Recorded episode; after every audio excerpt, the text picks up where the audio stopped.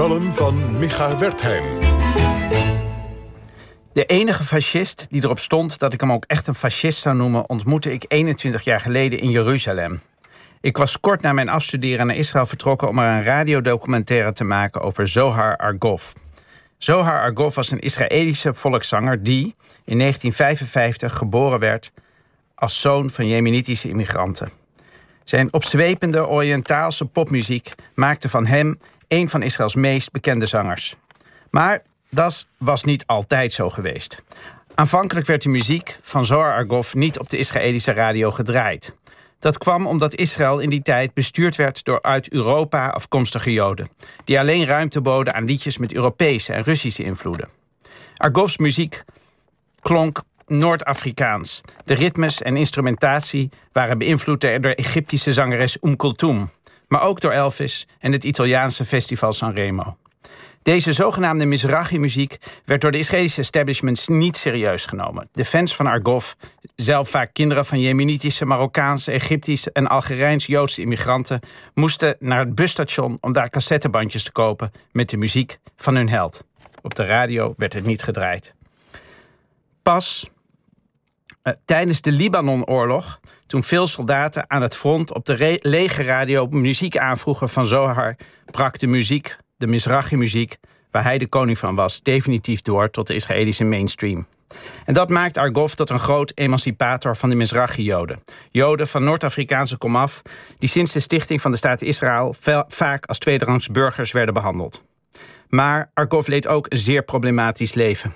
Hij was zwaar verslaafd aan harddrugs, zat in de gevangenis voor verkrachting... en pleegde zelfmoord in een politiecel toen hij opnieuw voor verkrachting was opgepakt. Straatnamen zijn er in Israël dus niet naar Zohar Argov vernoemd. En toch is de geschiedenis van Zohar Argov, de miskenning van zijn muziek... een goede manier om te begrijpen waarom veel Joden van Noord-Afrikaanse komaf... jarenlang een grote afkeer hadden van alles wat aan Europa deed denken... en zich moreel superieur waande. Die afkeer werd uitgespeeld door de rechtse Likud-partij... die daar verkiezing na verkiezing mee won, met alle gevolgen van dien. Om dat verhaal over Zohar Gov te vertellen was ik dus naar Israël vertrokken. En omdat er nog nauwelijks internet was in die tijd... begon ik mijn zoektocht door rond te hangen in platenwinkeltjes. En daar ontmoette ik de fascist, die fascist genoemd wilde worden. Al wist ik dat toen nog niet.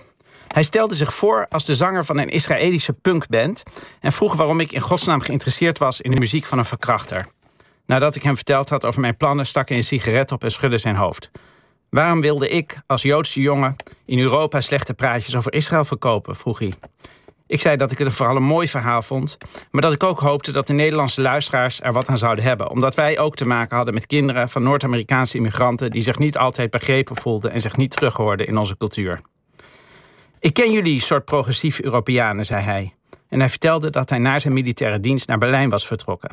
Hij had er in een kraakpand gewoond en was er in de punkscene terechtgekomen.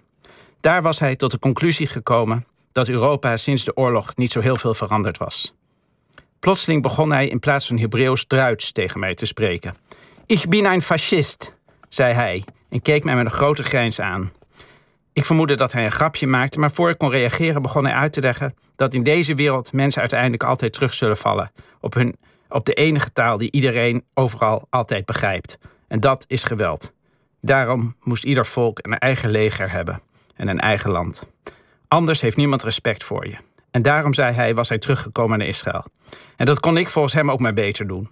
Want, zo wist hij, ik moest mij vooral geen illusies maken over de toekomst van Europa. Zo plotseling als hij verscheen, zo plotseling verdween hij weer.